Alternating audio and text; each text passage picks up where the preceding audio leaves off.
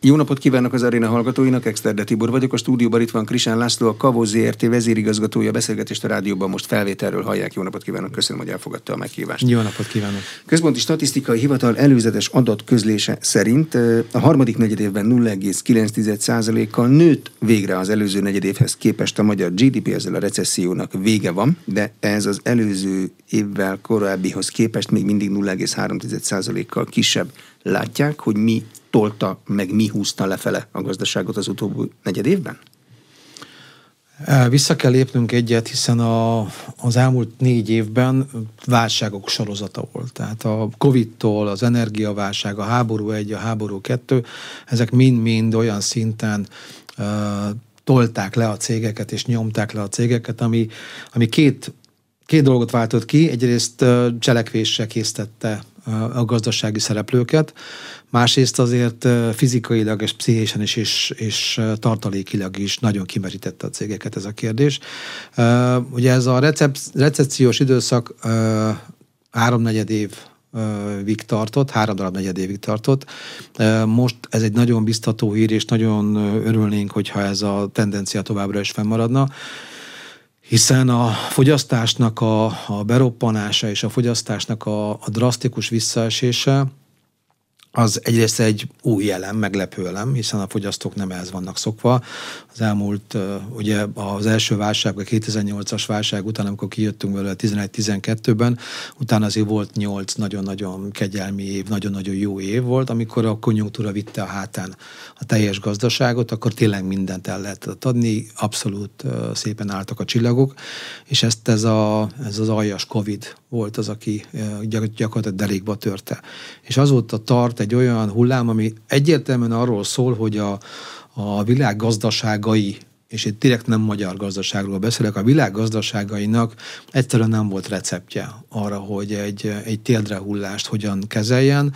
Már a 2008-as válságot is különbözőképpen kezelte Európa, Amerika, Ázsia, Európa megszorításokkal, Amerikában dobálták a pénzt a Fed erkéjéről, Ázsiában pedig a saját hajuknál fogva rángatták ki egy nagyon magas növekedéssel, főleg a kínai növekedéssel, 8-12 százalékos növekedéssel a vállalkozásokat. És azt gondolom, hogy az európai megszorító verziót most a COVID környékén már másképpen kezelte a bizottság, az Unió, de ez nem jelenti azt, hogy fel volt készülve arra, hogy egyszerűen egymás után érkeznek ezek a, ezek a csapások. De hogy nézett ki ez belülről? A COVID idején én emlékszem, nem mehettünk sehova, utazásra nyilvánvalóan nem költöttünk, de növekedett bennünk a vágy hogyha egyszer lehet, akkor mindazt a pénzt, amit ott megspóroltunk, azt el akartuk költeni. És amikor vége volt, akkor ezt elköltöttük. Akkor ez... Vala, valahol ennek az egésznek az egyik rákfenéje pont a, a, ez az inflációnak az igazi igazi indítója. Egy inflációt egyébként nem lehet összeütni két nap alatt, és nem is lehet kivezetni sem két nap alatt. Tehát az egy valós gazdasági érdek, hogy ezt az inflációt bármiáról le kell törni. Ugye a kialakulásához vezető utakat a sokkal jobban visszább kell menni a kialakulásnak az elemzése tekintetében. Már 2018-19-ben a nagyon, nagyon magasan fokoz, felfokozott fogyasztásban már benne volt annak a, az esélye, hogy, hogy az infláció megindulhat. Erre a Covid-ban a, az a pénzköltés, amivel a, a különböző adott országoknak a, a kormányzatai próbálták menteni a vállalkozásokat, az, az egy nagyon komoly rátétel volt még pluszban. Több Én, volt a pénz a gazdaságban. Több hát volt a pénz, rá. de ugye mivel be volt zárva mindenki, és amikor be van zárva mindenki, akkor nem tud vásárolni. Ha nem tud vásárolni, akkor a pénzével valamit kéne csinálnia, nem tudja, mit csináljon vele. Amerika nagyon jó példája volt egyébként, hiszen ott, ott ilyen 1400 dollárokat kaptak családonként, támogatásként a Covid alatt a különböző amerikai családok, és mivel nem tudták elkölteni, nem mertek autót venni, nem, nem akartak tévét venni, ezért inkább felhalmozták, és mit csináljanak a pénzükkel, hiszen nulla kamatot kap, kapna érte, neki állt és betette a tőzsdébe. És a tőzsdén elkezdtek szárnyalni, egyébként mindenfajta megalapozottság és fundamentum, és tényleges teljesítés nélkül megindultak a részvények fölfelé, és elindult egy teljesen lufi egy tőzsde lufi. Na most ez különböző módszerekkel kicsit le is fordítható ránk, fordítható ránk, hiszen Magyarországon is a nagy bezártság után, amikor kirobbant az embereknél a pénzek nem tudtak elköltődni, elkezdték hirtelen elkölteni, amikor a Covid-nak az első két hullámnak vége volt, és megindult egy kereslet, egy iszonyú erős kereslet. Ezért is van az, hogy ez a, a 2008-as válsághoz képest, ahol a, ahol a kereslet nem csökkent le, most a kínálat nem csökkent le, de a kereslet az, az megszorult. Most mind a kettő a Covid-nál megállt a kereslet is, meg a kínálat is megállt. És ez egy óriás baj, mert ilyenkor az van, hogy a gyár nem gyárt, mert be van zárva, a vevő nem megy el boltba, mert csak maximum élelmiszerbolt volt nyitva, beruházni senki nem akar merni. Ez nagyon jól látszik egyébként a Széchenyi kártya számain, mert egy normális egészséges ütemben mondjuk olyan 30 százalék környékén vannak a beruházási hiteleink aránya, tehát annyian akarnak beruházni. Látják a jövőt. És hat, így van, látják a jövőképet, és akarnak betenni a jövőbe, gyárat akarnak építeni, üzemet létrehozni, épületeket csinálni, gépet, eszköz, gépet eszközberendezést vásárolni. Ha jött a Covid, 10 százalék alá hullott be pillanatok alatt, ott mindenki a túlélésre játszott. Aztán utána, amikor volt a Covid vége, akkor mindenki majd, hogy nem 40%-ra fölmentünk a beruházás hitelekben, most megint 18%-on környékén vagyunk, tehát ebből látszik, hogy azért a, ez a technikai recessziós időszak, illetve ez az elmúlt egy év, ami egy, ami egy nagyon durva év mindenki számára, fogyasztók számára, vállalkozások számára, ez azért eléggé visszanyeste a, a, az optimista hangulatot, és én azért azt látom, hogy nagyon nagy szükség van a, a jó hírekre. Például arra, hogy az infláció be tud, be tud menni egy, egy kezelhető egyszámjegyre, például az, hogy a, a forint nem, nem ugrott meg ezeknek a híreknek a hatására, tehát jó hírekre most mindenki nagyon éhezik. De ez azt jelenti, hogy megint lesz piac, elkezdünk költeni. Hát egy egyszámjegyű infláció az még mindig egy egyszámjegyű infláció, tehát nem a szokásos, általunk évtizedeken keresztül megszokott 3%-os árstabilitás. Igen, a, ugye van, van jelentősége annak, és ezért is van most különösen különösen fókuszban mondjuk a minimálbér kérdése, ami ugye talán a héten, én optimista vagyok, talán a héten el fog tudni dőlni. A VKF az holnap van, szerintem ott akár döntés is tud születni, és nagyon optimista vagyok abban, hogy a munkáltatók és a munkaadók, vagy a munkáltatók és a munkavállalók meg tudnak állapodni abban, hogy, hogy szükséges valami fajta, árkorrek, vagy valami fajta bérkorrekció, hiszen az, az egyszerűen a, az inflációnak a kompenzációjára nekünk is érzékeny, munkáltatói szövetségként is érzékenyen kell tekintenünk. Arra, hogy igen, a munkavállalóknak valóban romlik a pénze. A másik oldal az az, hogy viszont megvan-e ennek a fedezete a vállalkozói oldalon. Tehát itt egy nagyon erős kettősség van. A fogyaszt, engem személyesen az az motivál és az vigasztal, hogy azt gondolom, hogy a minimálbér növekedés az úgyis ugye meg fogja tolni a bérspirált fölfelé, és ez a ez a bérkiáramlás többlet, ez a fogyasztásban le fog csapódni. Ha a fogyasztásban lecsapódik, akkor azok a vállalkozások, akik fogyasztásra termelnek, azoknak a bevételék végre megindulnak fölfelé, végre elindul egyfajta olyan fogyasztás növekedés, vagy megáll a fogyasztásnak a csökkenése, mert mind a kettő benne lehet a pakliban termékkörtől függően, és akkor viszont a vállalkozóinknak elvileg ez lehet jó, annak ellenére, hogy a, az elsődleges bérkiáramlásnak a, a, a nulladik napon még nem lesz meg a fedezete. De a munkaadó honnan finanszírozza a bér növekedését? Hát ez nagyon nehéz kérdés. Erre, erre munkadója változtatja. Én nagyon azt látom az elmúlt hónapokban rengeteg-rengeteg vállalkozással találkoztam, találkoztunk, és, és azt látom, hogy, hogy azért már mindenkel tartalékai végén van. Tehát az a nyolc éves konjunktúrális felhalmozott plusz pénz, ami volt az embereknél, vagy volt a vállalkozásoknál, azért az most rendesen megcsappant a, a Covid-ban, utána is most ebben az egy év nagyon durva válságidőszakban, és igazából a válságidőszakot úgy értsük, hogy azért a, az energiasok, a múlt évvégi energiasok az nagyon-nagyon odavert mindenkinek. Tehát az volt egy igazi int. A Covid is nagyon kemény volt, hiszen ott megállt hétfőről kedre minden, de az energiasok volt az, ami, az, ami ténylegesen egy, egy 5-8-10 szeres olyan, olyan költségnövekedést okozott, aminek valóban nem volt meg semmifajta fedezete, és ott tényleg nagyon rezgett a léc, tehát óriási szerencse is, és, és talán egy taktikai plusz volt az, hogy, hogy nem állt le senki, hanem próbáltuk túlélni, próbált átállni mindenki gázról villanyra, villanyról napelemre, tehát mindenki megindult egyfajta egyfajta új ilyen cio a digitalizáció, robotizáció, automatizáció, innováció felé elindultak a cégek végre. Jó, de hogyha a munkáltató most megállapodik egy magasabb bérben valakivel, akkor azt onnantól kezdve fizetnie kell, amíg az illető nála dolgozik. Ezért, mondtam, ezért mondtam, hogy nulladik napon még, ezt, még ez fájni fog a munkáltatónak. Ez akkor fog tudni csak elindulni, hogyha, fogyaszt, hogyha ez fogyasztást fog tudni generálni,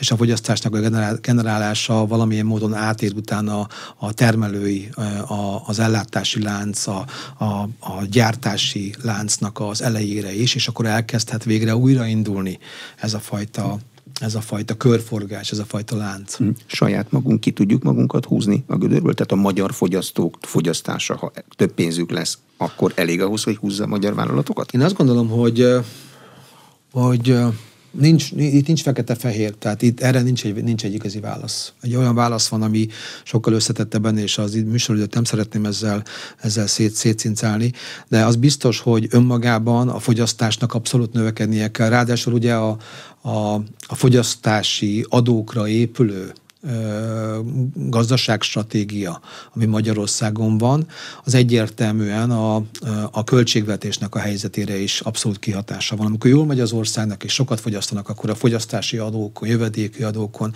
egyéb adóbevételeken keresztül mindenféleképpen pozitívan lehet ezt kezelni. Amikor viszont beroppanás van, vagy megállás van, vagy a gazdasági növekedés, vagy szinten tartás is sérül a különböző tényleg nagyon komoly külső hatások miatt is, akkor egyértelmű, egyértelműen az a válasz, hogy, hogy ez akkor negatívan csapódik le. Ez látszik is, ez a költségvetés helyzete azért sokkal-sokkal nehezebb, mint korábban valaha is volt. Ez egy külön téma, hogy a költségvetés hogy fog finanszírozni mondjuk infrastruktúrális beruházásokat, amikor azokat folyamatosan vágja a Igen, és igen, de én azt gondolom, hogy, hogy válságban ugye nincs, nincsenek igazából normatívek, tehát ott, ott, ne, ott, ott nem lehet előszedni templéteket, mert nincs, nincs két egyforma válság, nincs két egyforma helyzet, akut helyzet. Ugye a gazdaság az nem egy statikus állapot, minden nap történik valami, tegnap is, ma is, holnap is fog történni valami, tehát ott konkrétan rajta kell tartani a, a gazdasági kormányzatnak a, a gazdaság ütőerének kezét, és tényleg nagyon-nagyon adhok jelleggel kell döntéseket hoznia és lépnie. Nem könnyű dolog egyébként, és és ilyen szempontból szerintem most itt egy nagyon komoly, egységes váll válhoz gondolkodást kell csinálnunk. Itt, itt, most, itt, itt most nincs arról szó, hogy kinek van igaza vagy igazabja. Itt megoldásokat kell csinálni nagyon gyorsan, nagyon ütősen. Egyébként én abszolút nem vagyok ellene a, a különböző nem szokványos megoldásoknak, mert, mert ilyenkor nincsenek, nincsenek olyan, olyan olyan templétek, amiket elő lehet szedni a kukából, és akkor azt mondjuk, hogy ja, hát ez már volt egyszer 2008-ban, akkor működött. Teljesen más volt a helyzet akkor, és most is teljesen más helyzet van. De be lehet nyúlni a gazdaságba nem szokványos megoldásokkal. Lehetett látni például az ársapkák idején, hogy előbb-utóbb készlethiányhoz vezettek, és akkor ki kellett vezetni mondjuk az üzemanyagoknál. Ö, igen, de a Ezeket a megoldásokat egyébként senki nem szívesen csinálja. Hát tehát ezt minden nap elmondta, tehát, tehát aki saj, egyébként bevezette. Tehát saját, igen, csak ugye saját maga ellen dolgozna az, aki, az, aki azt mondja, hogy ezt, hogy ezt, ezt ő szereti. Senki nem szerette az ársapkákat, mi sem szerettük, de a kormányzat sem szerette. Egyszerűen egy kényszer szülte helyzet volt arra, hogy egyrészt a, a fogyasztás tényleg ne roppanjon be teljes mértékben. Így is a számok tekintetében pont egy hete volt a, az Európai Kereskedelem napja, amit a, a VOSZ, VOSZ 19 éve szervez az új, egy uniós ajánlás alapján, és ott a teljes kereskedelmi szakma ott volt, az összes, az összes szövetség, kamarák, mindenki ott volt, és, és ugye nagyon, meg, nagyon erősen meg kellett állapítani azt, hogy ez az év ez nagyon-nagyon nem a, nem a, nem a kereskedők éve lesz, és ugye amikor 7-8 százalékokat esik hónapról hónapra a fogyasztás, igaz egyébként nem egységesen, mert a food, az élelmiszer az ugye 3-4 százalékot. Hát mert azt muszáj minden A, a, enni azt kell. A non-food, tehát a, de a, no, tehát a, a nem élelmiszer jellegű, amikor hűtőgépet veszünk, tévét veszünk, autót veszünk, azokat már, azok már elhalasztható beruházások, elhalasztható fogyasztások, azokban nagyon látszik az, hogy nagyon komoly visszaesés van, és leg, legnagyobb tétel ebben a visszaesés visszaesésben, és egy kicsit torzít is azért ez a, ez a képben, tehát nem, ne vegyük komolyan a statisztikákat akkor, hogyha év per évet nézünk, mert a múlt évben még volt ársapka a benzin, és 4,80 volt a benzin, most meg már nem annyi, most nincs rajta ársapka, és ettől, e, ettől a fogyasztás is durván bezuhant, 22-23 százalékkal zuhant vissza a fogyasztás a benzinben, vagy az üzemanyagban, és én azért azt gondolom, hogy ez, ez mindenféleképpen ezek a fogyasztás csökkenések nagyon erősen látszanak a, egy ország gazdaságában. De mivel magyarázzák, hogy az üzemanyag ár növekedése az a fogyasztást is csökkenti? Kevesebbet autózunk? Hát rólunk szokták azt mondani, hogy ha egyszer van autónk, azt nem fogjuk letenni soha. A magyar az nem olyan, hogy az átszokik a tömegközlekedésre. Nem, de nem mindenhova azzal fog menni.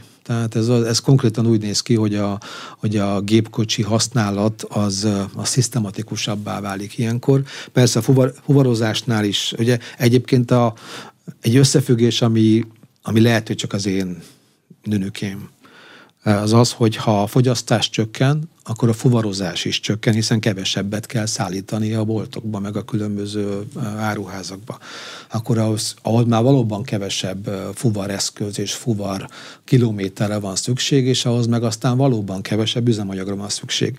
És azért a, lássuk be, hogy, a, hogy nagyon nagy arányt képvisel a lakossági kocsikázás mellett a, a fuvarozói kocsikázás, hogyha ilyen rossz szót használhatok. Tehát szerintem azért ezt, ezt úgy kell kezelni, hogy ez megint mondom egy komplex részt nem tudok kiemelni, és nem uh-huh. tudok erre önnek válaszolni. Uh-huh. Hogyha van egy minimálbér megállapodás, akkor az automatikusan végig hullámzik a teljes magyar piacon, tehát az én tulajdonosom meg fogja nézni, hogy volt egy minimálbér megállapodás, és annak megfelelően fog az én fizetésem emelkedni? Hát az ön szempontjából reméljük, hogy így lesz. A, a másik kérdés az viszont az, hogy van-e ennek valóban valódi megalapozottsága. Tehát, hogy valóban rendelkezésre fog állni a nulladik napon az a, az a pénz a vállalkozónál, hogy a munkavállalóinak ő tudjon pénzt fizetni. A minimálbér ugye az, az, az azért egyértelműen be, be, kimondható, hogy, hogy a, a 4,5 millió Magyarországon dolgozó emberből azért nem ér el egy akkora szeletet, hogy, hogy, hogy ennek,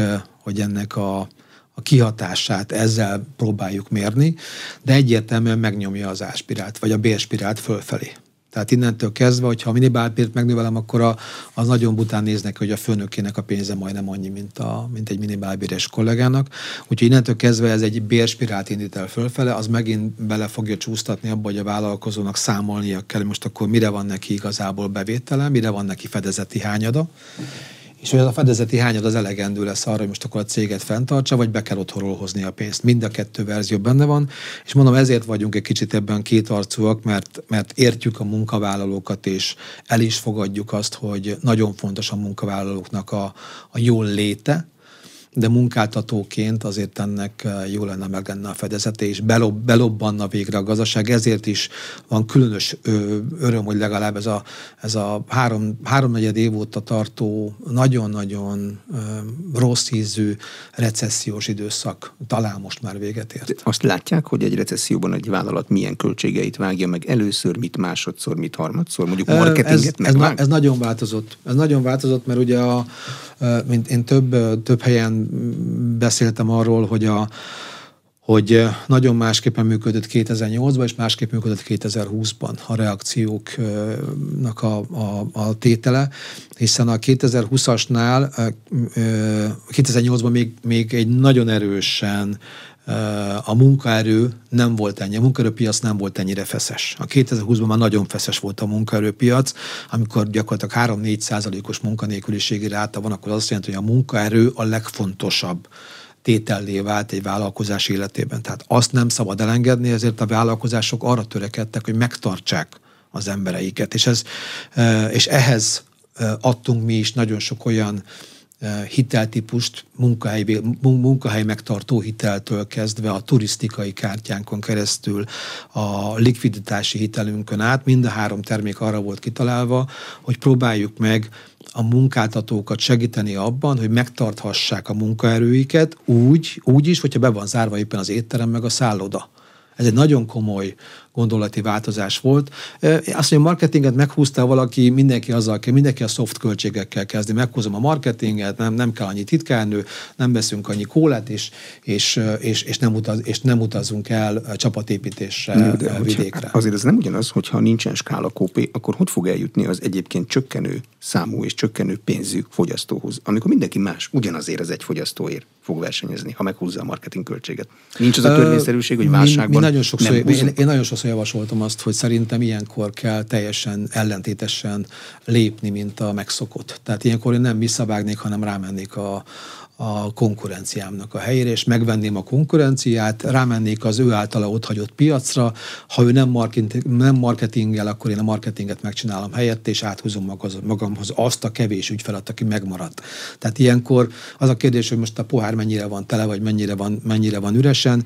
Én biztos, hogy a, de hát én ugye Demián Sándortól tanultam a, a, a, a világot, úgyhogy én, én biztos, hogy az ő, az ő talán mondhatom azt, hogy vagabond és nagyon merész gondolatai mentén nőttem föl, nekünk ő volt a minta és a példa. Ő be is jött neki, úgy láttam, sokszor. Így van. Hát a Széchenyi kártya, az, az, azt is ő találta ki, tehát az egy ötletből fakadt, és egy ötletből lett olyan, olyan program, ami már azért azt gondolom, hogy a, a mai piacon, ahol röpködnek a 20%-os kamatok, még most is röpködnek a 20%-os kamatok, azért azt látom, hogy 5% fix kamattal Nálunk három hónapra előre minden kollégámnak 220 valány irodában tele van a naptárja, tehát a vállalkozók azok, azok valóban a lábukkal szavaznak, és oda mennek, ahol azt érzik, hogy, hogy nekik jó, kapnak valamit, ami, ami amire szükségük van, élnek vele, és, és nekünk ennél több visszajelzés, vagy ennél jobb visszajelzés nem kell. De a beruházási hitelláb is stabilan nőtt. Beruházni mondják, akkor szoktak, hogyha a vállalkozó látja, hogy mi lesz belőle. Nem. Azt ki kell nem, nem, csak akkor? Az konkrétan nem. Ez a, a beruházási láb az most nem, de hát ez megint a, megint a pszichés helyzetből fakad, hiszen a vállalkozó, hogyha ha elhiszi azt, hogy jön a jó világ, akkor, akkor beruház, akkor jövőbe, jövőbe gondolkodik, előre tekint, akkor azt mondja, hogy akkor, akkor, na, akkor bővítsük ki az üzemet, akkor tegyünk hozzá, akkor vegyünk még három gépet, akkor most cseréljük le a gépparkot, akkor most vegyünk egy ingatlant, egy üzlethelyiséget, egy irodát akkor belemer menni. Amikor helyzet van, amikor, amikor valós veszély van, akkor a vállalkozó azonnal beáll egy, egy, egy tüskés helyzetbe, begubózik és próbál menteni próbál túlélésre játszani. És ez a túlélésre játszani, ezt nem a szó rossz értelmében mondom, mert egyszerűen próbálja a napi költségeit lefenni, hogy legyen pénz a, a bérre, legyen pénz az áfára, legyen pénz anyagbeszedésre, hogy tudjon tovább haladni, tehát ő neki a, a rövid távú gondolkodás, akkor az igazi prioritás, és csak a második lesz az, hogy akkor azt mondja, hogy akkor na, akkor mégiscsak növekedjünk, bővüljünk, pedig a beruházások egyébként nagyon-nagyon fontosak. Hát ha jól emlékszem a számokra, azt hiszem, hogy hogy ilyen 70%-kal estek vissza a beruházások, vagy átlagosan. És hogyha ebből indulunk ki, akkor abba azért tudomásul kell vennünk, hogy, az a, hogy, hogy ezt, ezt semmelyik ország, semmelyik gazdaság a huzamosabb távon nem, nem szereti és nem viseli el. Tehát az elsődleges törekvésünk nekünk is az, hogy ahogy vége van ennek az őrületnek, azonnal próbálni ráindítózni arra, hogy újraindítás, újrakezdés és a felpattanásnak az időszaka jön el újra. A vállalkozók nyilván olvasnak gazdasági sajtót, és azt látják, hogy 2, 1 meg 4, 3 között van a jövő évi GDP növekedés előrejelzése. Ez egy iszonyú nagy szórás, dupla az egyik a másiknak. Ebből milyen következtést tudnak levonni, hogy mi lesz? Hát szerintem 5 éve tart ez a, ez a varázsgömb simogatás. Ugye a Covid-ban is és ez nem magyar találmány, ez nem magyar sajátosság. A Covid-ban gyakorlatilag egy hétre előre nem lehetett látni, nem az, hogy egy évre előre. Tehát aki költségvetést tudott ott csinálni pénzügyminiszterként, az adott le a kalapot, és, és bejött neki akkor le a kalapot. Erre nem lehet matekot mondani. Tehát olyan kiszámíthatatlan körülmény, hegyek vannak folyamatosan, amire senki nem gondolt. Azt senki nem gondolta, hogy két év után a Covid-ot egy nap alatt elfújja egy, egy orosz-ukrán háború, azt senki nem gondolta, hogy a, az orosz-ukrán háborúnak a, az a szankciós lába, ez konkrétan ki fog alakítani egy olyan, egy olyan energia árrobbanást, amire nem volt példa 50 éve, és arra se gondolt senki, hogy október 7-én megtámadják Izraelt. És ezek a lépéseket egyszerűen minden, mindenfajta számolás felborítanak. Tehát a kettő kötőjel négy közötti jövő évi GDP növekedési szám, az ma nagyon-nagyon beleférhet mind a kettő. Ugye idén, idén is több, több verzió hangzott el menet közben. Én azért annak nagyon erősen híve vagyok, hogy a, hogy a gördülő tervezés és a gördülő költségvetés az nem egy rossz intézmény, igenis hozzá kell igazítani minden egyes alkalommal, alkalomszerűen, akár évente többször is a valós gazdasági folyamatokhoz a valós gazdasági teljesítményeket, tehát én ennek nem vagyok ellene, és egyébként azzal olyan nagyon sokan nem vagyunk, hogyha most azt mondjuk, hogy 3,7 és megállapodunk a kettő között, a kettő egy és a négy hét között, mert, mind, mert mindegyik lehetséges. Én nem látom ma azt, hogy hogy ennek a számnak most olyan fontossága lenne, nem becsülöm alá ezeket a statisztikákat, csak nem akarom ennek arárendelni a napi életre adandó válaszainkat. Tehát nekünk naponta kell meghallgatnunk a hozzánk bejövő 4-5-600 vállalkozót, és naponta kell leszűrni az ő által adott információból magunk számára mindazokat, amiket mi abból látunk. Mi ezeket be, beszívjuk, mint egy szivacs ezeket az információkat. A Kavosz egyértelműen 20 éve ennek a, ennek a híve, ez a, ez a 3E koncepciója a Kavosznak, hogy ér, értem, amit a vállalkozó mond, az értés, érdekel, amit a vállalkozó mond, tehát az érdeklődés és a a, a tudásnak a felszedése, és az érdekem van benne, mert segíteni akarunk neki.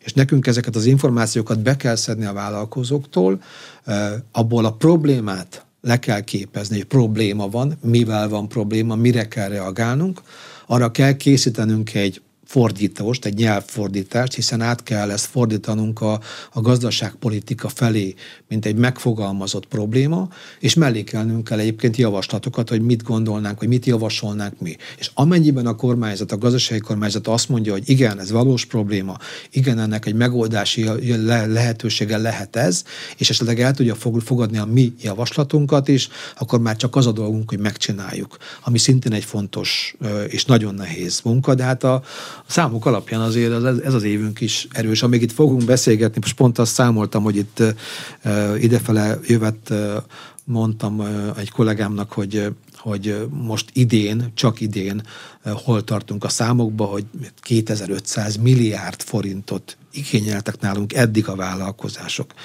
És hát ilyen szám nincs. Kilátott életében egy milliárdot, és nem, hogy 2500-at. És akkor inkább lefordítottam azt, hogy mondjuk egy perc alatt 20 millió. Azt már mindenki érti. Tehát amíg beszélgetünk itt egy 50 percet, az alatt egy milliárd forint fog kimenni a Széchenyi kártyában, és szerintem ez az igazán fontos, hogy, hogy jól fogalmaztuk, jól értettük-e a problémát, egy jó megoldást tudunk-e javasolni, és el tudta elfogadni a kormányzat azt, hogy arra az a megoldás. Pedig ez egy drága megoldás, mert amikor a jegybanki alapkamat 4% vagy 5% volt, és a mi hitelünk nulla volt, akkor csak 4%-os kamattámogatást kellett adnia az államnak. Most, amikor 20% körül van a piaci kamat, eh, a miénk meg 5%, most 15%, tehát nagyon drága dolog egy kamattámogatás, egy állami kamattámogatás és egy állami garanciarendszernek a fenntartása a Széchenyi kártya mögé, de az a mondás, ami arról szól, hogy hitel nélkül nincsen gazdasági növekedés, sőt, gazdasági szinten tartás sincsen, hanem az egy nagyon erős credit crunch, az egy hitelösszeroppanás jelentene, ezt tudomásul kell venni. És a Széchenyi kártya, illetve a a, a kormányzatnak a más támogatott hitelei, például a Baros Gábor program, arra elmondhatjuk, hogy ez a két program idén, hát ha jól emlékszem, közel 60-59 százalékot, 59 százalékot vitt el a teljes vállalati hitelezésből. Azért az egy betyár nagy szám, mert normál esetben 20-25-30 százalék környékén lenne az, ahol egy, ahol egy piac versus állami programok mennek egymás mellett. Mi 20 éve csináljuk ezt, tehát minden évben megvan a teljes statisztikánk, és azért a Széchenyi kártya az békében és békeidőben is nagyon jól működik, de válságban aztán határozottan, hatványozottan jól működik, hiszen fel vagyunk pörögve arra, hogy azonnal lépjünk, és pillanatok alatt csináljunk egy olyan dolgot, és hát a mi kollégáink azért hál' Istennek nagyon a, talán a piac egyik legjobb csapata, és tényleg nincs olyan, hogy nincs. Nagy István agrárminiszter ült abban a székben hétfőn, azt mondta, hogy a kemény kérdésekkel is meg kell küzdeni például azzal, hogy szabad-e állami pályázatot kiírni olyan barackosra, ami tíz év alatt nyolcszor fagy el. A Széchenyi Kártya programnak van agrárhitellába. A mezőgazdasági szerkezetváltással kell foglalkozniuk?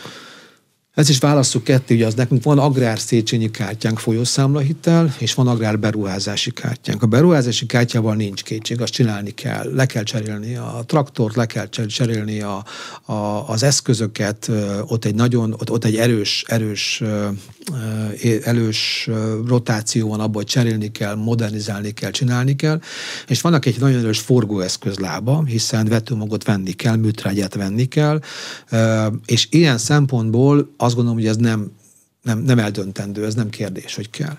Az a kérdés viszont, hogy a, abban az ágazatban, ahol óriási a kitettség külső körülményre, időjárásra, meg különböző havária helyzetekre, ott arra havária helyzeti programokat kell találni. Két példát, hogy mondjuk el, pont a Barackost említette, mi még 2013-ban vagy 2014-ben volt, hoztuk ki az első úgynevezett többlet támogatót, ez a hivatalos neve többlet támogatott agrár Széchenyi kártyánkat.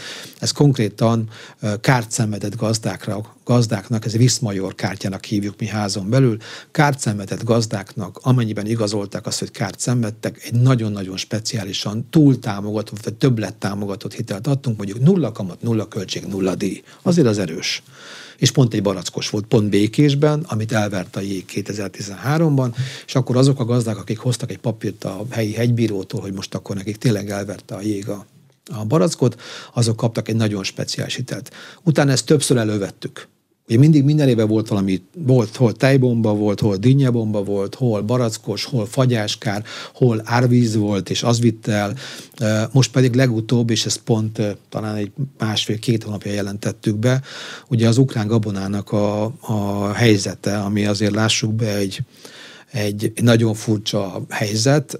Én abszolút egyetértek a gazdákkal, nagyon sokkal beszéltünk, és, és teljes a felháborodás, és teljes a, a kiakadás azon, hogy konkrétan a költségeiket sem tudják kivenni, mert hogy ez a, ez a dömpingszerűen beérkező, dömpingáron beérkező ukrán gabona, aminek a minőségét szerintem jobb, ha hagyjuk, az hihetetlen módon szétverte a magyar piacot. És ilyen szempontból nekünk egyetlen lehetőségünk volt, hogy a, a, a gazdasági miniszter úr felkérésére és a, az agrárminiszter úrnak a támogatása mellett kidolgoztunk egy hónap alatt, egy három hét alatt egy olyan terméket, ami konkrétan az agrár Széchenyi kártyának egy ilyen többlet támogató terméke, tehát a korábbi bubor nagyságrendű kamatok helyett az is átment 5%-os fix kamatra, egy, kettő vagy három évre. Ezzel persze nem tudjuk eladni a gabonáját a vállalkozásnak, hiszen nem is erre van kitalálva egy hitel, hogy eladjon, tehát mi nem vagyunk a, a láncban, az értékesítésben, de arra, hogy meg tudja venni akkor is a gazda a következő vetőmagot, és meg tudja venni azokat a az eszközöket és azokat a, a szükséges kellékeket a továbbmenetelhez, vagy a továbbinduláshoz, az újra elvetéséhez a magnak, arra mindenféleképpen ez lehetőséget fog adni, és mi minden, minden ilyenre próbáltunk megoldást adni, például az ukrán gabonára Jó, de meddig lehet a magyar költségvetésből finanszírozni egy uniós döntés háborúval összefüggő eh, kárait? Nem Tehát tudom. jövőre is meg lehet így finanszírozni. Nem, Aztán is, nem tudom, de... öt évig tart a háború, és az ukrán gabona itt van. Nem tudom, de nagyon remélem, hogy, hogy, itt, hogy itt egy teljes, ez a teljes képzavar, ami van a bizottság környékén, ez, ez valamilyen módon fel, fel én mindig azt, azt akarom hinni, hogy, hogy ott is felnőtt emberek vannak, akik, akik tudnak gondolkodni, és tényleg érdekli a, a, a saját népének a sorsa, és egyszerűen azt látom, hogy olyan döntések is tudnak születni, amire egyszerűen tágra nyílt szemekkel nézek, hogy, hogy, hogy miért. Tehát csak egy példát mondjak, ugye a, az IRA, ez az amerikai uh, infláció csökkentő program. Belső piacvédelem. A belső piacvédelem, de az nem belső piacvédelem, az konkrétan becsábítani a külföldi gyártásokat, és egy olyan adókedvezményt ad az amerikai állam uh, a a vevőknek, hogy mondjuk ami ott készül Amerikában elektromos gépkocsi, arra 7500 dolláros támogatás jár. Senki nem fog venni akkor Európából autót, és ezért az európai autógyártók is elkezdenek átköltözködni. Na most ezt az Unió keresztbetett kézzel, ölbetett kézzel nézdegélte, és akkor próbált ilyen Green Deal, meg New Deal, meg ilyen nevű programokkal válaszokat adni, és folyamatosan érzem azt, és, és absz- Isten látja lelkem, nincs semmifajta politikai szándék a következő mondatomban. Én tényleg nem értem ezt a szankciós történetet, mert ez a vállalkozások számára, bármely ország vállalkozásai számára, ez egészen biztosan nem jó. A társadalmi részét mindenki érti, senki nem akar háborút, senki nem akarja látni a háborús híreket a tévében, senki nem akarja látni gyerekek szenvedéseit. De az biztos, hogy egy, ha egy, egy ország a saját vállalkozóit legyengíti, vagy egy közösség, az uniós közösség, a vállalkozói felé nem adja meg az összes lehetőséget a túlélése és a, a, a mozgás térre, akkor ott nagyon-nagyon komoly baj van. Legutóbb ez az ESG-s dolog, talán arról is szó lesz még ma, ezt, ezt én én, én teljes döbbenet vagyok ebbe az ESG-be. Ez jelentéstétel, minden, ami nem pénzügyi teljesítménye egy vállalatnak. Most 500 pluszos vállalatokra vonatkozik, de azt olvasom a honlapjukon, hogy készüljenek a kisebbek is. Igen, így van. Mit, Ugye, mi, mit már, mi már egy éve elkezdtük el a felkészülést, és ennek a az alapja az volt, hogy talán visszaemlékeznek a hallgatók is, ön is, hogy tíz éve volt ez a GDPR mindenki mondogat, hogy lesz valami GDPR nevű dolog, és az uniónak valami újabb agyszüleménye, és akkor majd ezzel a személyiség jók, és akármi de hogy senki nem vette igazából komolyan. Készültek rá jogszabályok, de nem vette senki komolyan. Ezt utolsó percben hirtelen, ugye volt kétszer, ellen, kétszer eh, volt határidőmódosítás, és mindenki nyugodt volt, hogy ah, majd akkor még egy év, meg, meg úgyis eltolják még egy évet, azt nem tolták el. És beesett hirtelen mindenkinek hétfőről kedre, és horror pénzekért mindenki vásárolgatta a GDPR tanulmányokat, és szabályzatokat, és, és szervezeti rendszereket. Iszonyú büntetéseket lehetett Iszonyú összeszedni, ha valaki nem, nem felelt meg. Most az ESG-nél egy kicsit rosszabb. Egyébként ezt mi, mi KTI-nek hívjuk ez a, mert ugye az ESG az, a, az a, az environment, a social és a governance-nek a rövidítése, tehát ez a környezet, a társadalom és az irányítás, ezért KTI.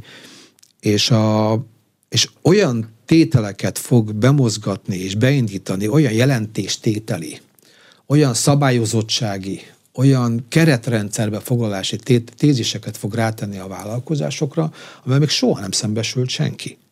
Tehát Igaz, igaza van, hogy 20-24 január 1-től a bankoknál és az 500 pluszosoknál, 500 fő fölötti vállalkozásoknál lesz ez igaz, és 25 január 1-től megy ez lejjebb, a 250-esek és talán még, még lejjebb, de azok a cégek, akik mondjuk nagyvállalatok, hipermarketek, gyártók, azok a beszállítóiktól és az alvállalkozóiktól kényszerűen el fogják kérni az ESG és megfelelő, megfelelőségüket, akármennyire nem 500 fős fölöttiek, meg 250 fős fölöttiek. Tehát nekünk most hegyekben állnak az olyan jelent, bejelentkezések és az olyan jelzések a vállalkozásaink, a kis vállalkozásaink részéről, hogy tőlük a hipermarket lánc, ahova beszállítja nem tudom milyen kakaóport, vagy bármit, vagy mondtam, mondta egy példát, már most jelentéstételi kötelezettséget ír elő, és az az ESG jelentés, ez azért nem olyan vicces. Én kit töltögettem jó néhányat. És De azért mi a... egyáltalán benne? A környezet az mi? Tehát, hogy törekedni kell arra, hogy megújuló energiát Én még olyan vegyünk? képletet nem láttam. Tehát az, az a termék előállításának a képlete, hogy milyen ökolábnyomot hagyjanak a terméknek az előállítása a, a környezetben egy olyan képlet, ami fél oldalra nem fér rá konkrétan, és annak a képletnek a mentén kell kiszámolni azt, hogy egy termék egységnek az előállítása, az milyen lábnyomot fog hagyni. A, Csinálok a... egy lavrot vagy egy vödröt, akkor meg kell mondani, hogy Így, annak mekkora pont, az ökolábnyoma. Pontosan. Hogy mi, milyen, milyen fogyasztás, milyen kilovattóra, milyen ez, milyen az, milyen az.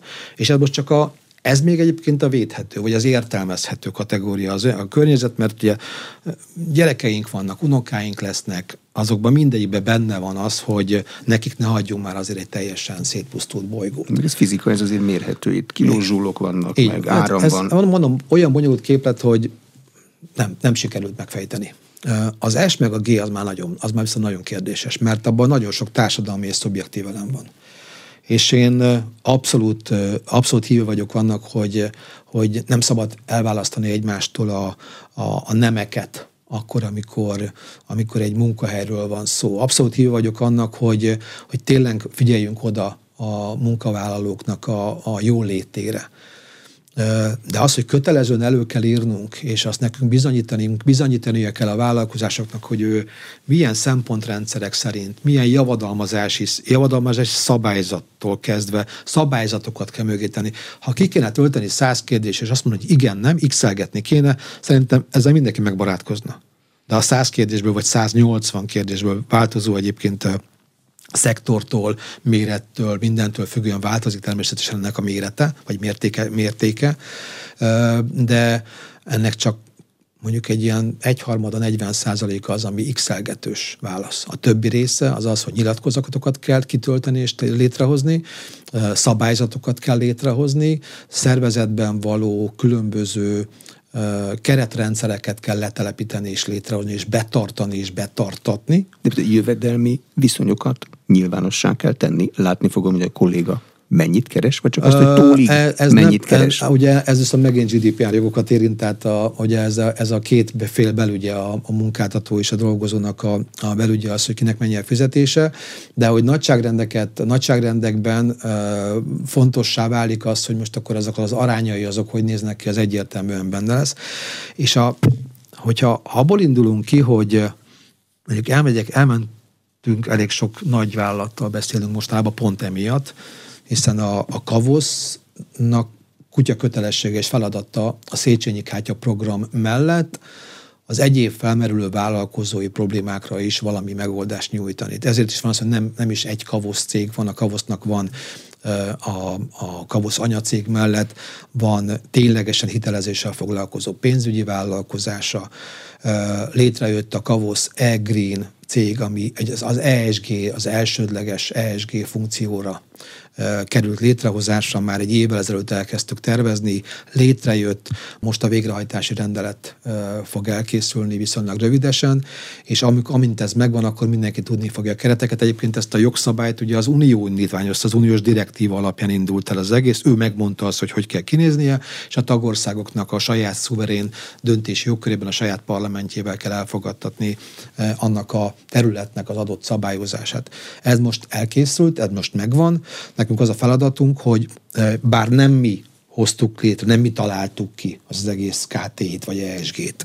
Ez az EU-s irányelvek alapján történik, és a, de, de nekünk abszolút segíteni kell a vállalkozásokat egy ilyen, egy ilyen puha földetérés, vagy soft landing, vagy, vagy puhára esés dologban, hogy segítsünk neki arra, hogy az a módszertan, amit mi kidolgozunk, az valóban nagyon szépen meg tudjon felelni bármely cégméretnek akinek ezt meg kell csinálnia.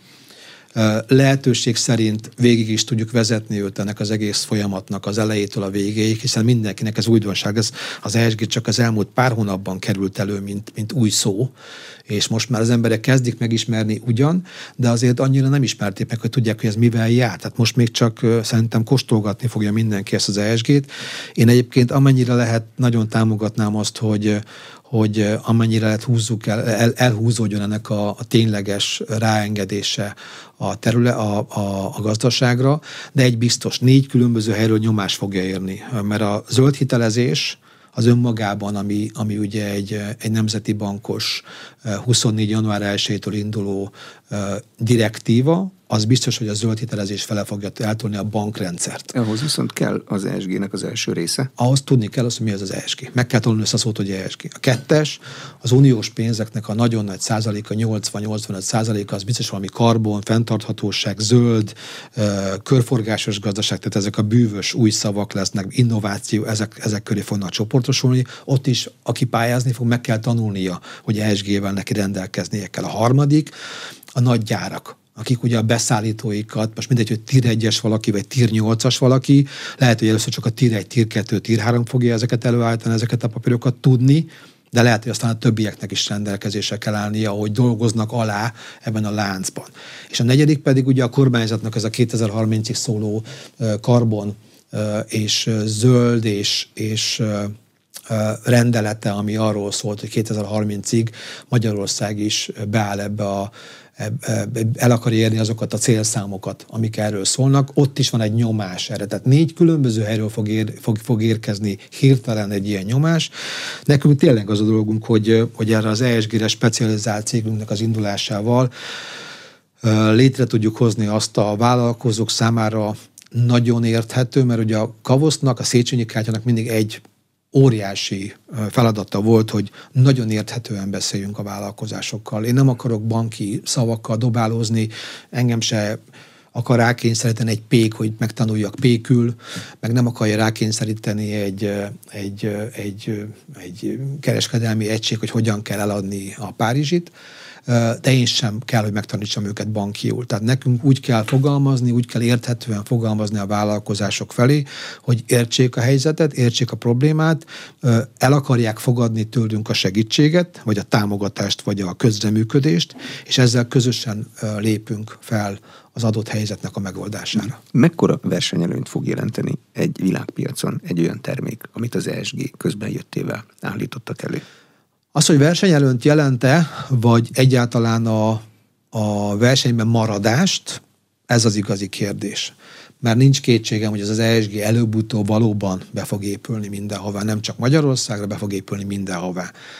De, de ez inkább valószínűleg a része lesz majd a mindennapoknak, ma még abszolút ö, ö, ismeretlen fogalom, később ez nagyon be fog épülni a gondolkodásba, hiszen, hiszen azért mindenhol mind, mindnyájunk, mindnyájunk érdeke egy környezetnek a, a, a karbantartása és az, hogy védjük a környezetünket.